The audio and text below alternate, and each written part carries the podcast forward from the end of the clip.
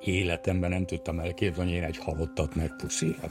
Valakinek meghal valaki, és akkor az első, ez nagyon gyakori érzelmi reakció, az első reakciója az, hogy megkönnyebbül hogy hát persze nem a szeretetről vagy a szeretetlenségről szól ez a megkönnyebbülés, hanem a halált megelőző stresszről, meg, azt, azt a, a, meg, a, meg arról a félelemről, hogy mi történhet még velünk. Ez egy óriási trauma, ezt a témát, ezt masszírozni kell jó darabig hogy ezt most nem szőnyeg alá seperni, hanem, hanem ezzel tényleg foglalkozni komolyan. És még nem látom a végét. A hiedelmeink abból adódnak, mint hogyha arról, hogy meg, meghalunk egyszer, az úgy nem lenne Egyszerűen abban nem foglalkozunk, hogy van a halál, hogy ez így a mindennapoknak a része. Betegek többsége nem jut el odáig, hogy a halálról nyíltan beszéljen. Amikor megtudtuk, hogy, hogy hetei vannak hátra, és akkor azt mondta, hogy kisfiaim, ez tulajdonképpen mindent összevetve, ezek időskorom legszebb napjai. A kiszolgáltatottság azt hiszem az az egyik legnehezebb dolog. Az autonómia elvesztése az,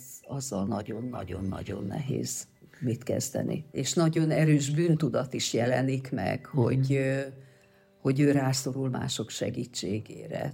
Ez, ez nagyon sok ember így van, hogy úgy gondolkodunk az ilyen akár a halálról, akár a betegségről, akár a visszafordíthatatlan betegségről, hogy ez nem az enyém, az másé. Az ember szerintem van, van egy korszak az életében, amikor gyakorlatilag halhatatlannak érzi magát.